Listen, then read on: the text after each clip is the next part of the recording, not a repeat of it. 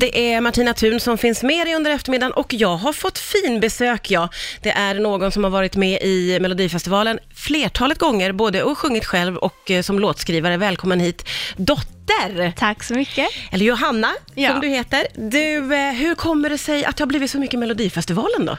Oj, det var en bra fråga. Eh, det är väl någonting som jag har liksom dragits till sedan jag var liten, så det finns en liten förkärlek för det. Ja. Och sen har jag bara liksom glidit in där och ja, fastnat lite grann. Ja, men känns det som ett härligt ställe att liksom vara i då? Ja. Melodifestivalen, Jag tycker det- miljön. Det är så härligt och så mycket positiv och glad energi, så att eh, det är bara nice liksom. Ja, och du kan ju jämföra då att vara med och sjunga själv och att vara med som låtskrivare, för du skrev Mm. ju till exempel eh, Lina Hedlunds låt Nu, du har skrivit en låt till Mariette innan. Ja, Så vad, hur är de två man sätter dem mot varandra? Alltså de två låtarna? Nej, om, om du tänker att vara sångerska Ja. eller låtskrivare. Ja, men det är två helt olika saker. Eh, för som låtskrivare så går jag in för att tävla och liksom vinna. Verkligen. Ah, Okej, då kommer vinnarskallen. Ja, verkligen. Men som artist så, nej, då vill jag bara liksom ha det som ett skyltfönster och visa min låt liksom. Och bara, Ah, det är verkligen två helt olika ingångar. verkligen. Eh, men det har gått ganska bra då, måste jag tänka efter, för båda dina som du har skrivit. Ja, jo, men de kom till final. Ja. ja. Eh, Hur blir det om du inte liksom, om du inte, om det inte går bra? Nej men gud, jag är inte sån som lägger mig och grinar.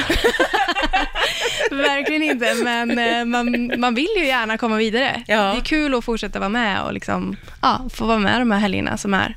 Och sådär. Mm. Jag får uppfattningen om att du är väldigt produktiv, att du skriver väldigt mycket låtar. Hur är det att vara liksom, sångerska själv Mm. och skriva till sig själv, men också till andra?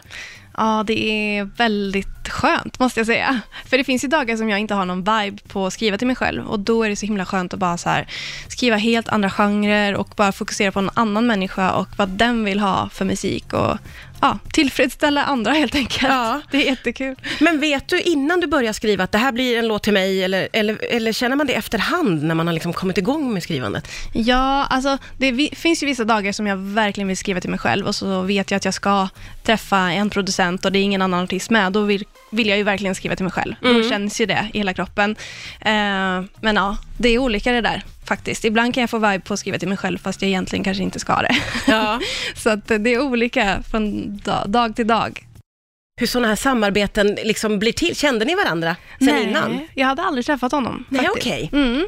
Då är, det vä- vä- då är det någon som styr över, du får något samtal eller hur, hur funkar ja. det? Jo, men eh, jag, jag har hört att han, han var pepp på att jobba med... Han, han hade sett mitt framträdande eh, i förra årets Mello då. Ja. Så han var väl taggad på att göra något. Liksom. Sen hade han den här duetten färdig Ja. och så frågade han mig om jag ville vara med och jag sa givetvis ja.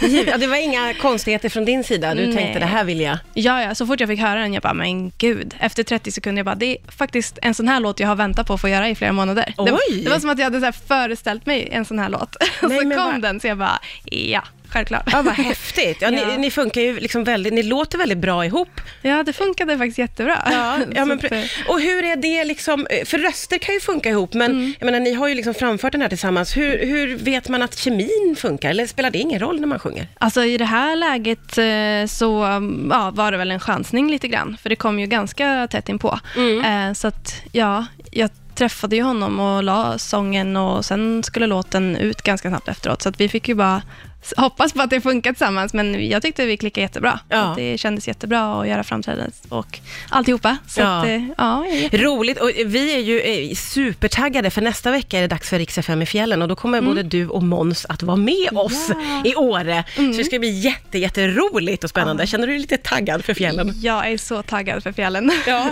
Är du, är du sån som ger ut på slalomskidor eller snowboard? Och, ah, mm, Slalom, Ja, ja, ja. Har Ja. alltid åkt slalom Ja, faktiskt. det är så? Ja. Ja. Finns det backe i Arvika?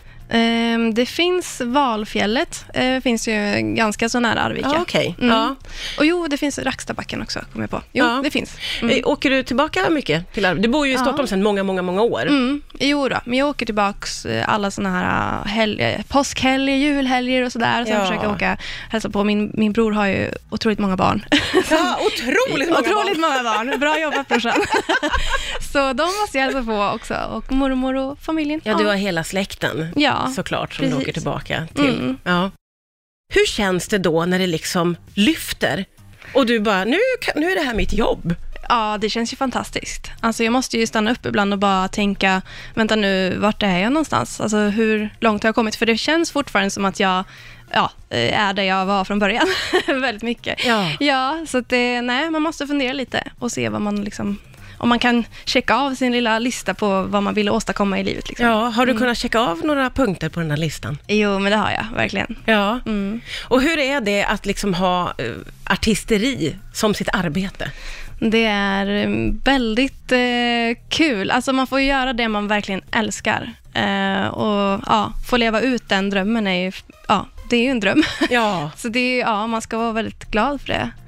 Och ja, man har ju jobbat mycket för att komma dit och framförallt har man ju sjungit väldigt många timmar för att Mm. komma dit. För ja, röstmässigt menar Ja, jag. Liksom. ja, ja Mm. visst, absolut.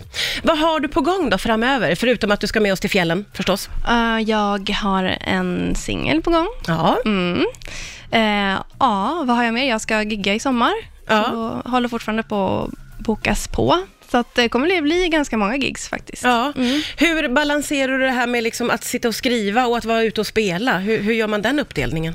Ja, alltså jag tänker man, man giggar ju oftast på helgerna eller onsdagarna. Så har man de andra dagarna kvar. Och, Ja, just det, då är du på kontoret. ja, precis. Då sitter jag där och skriver.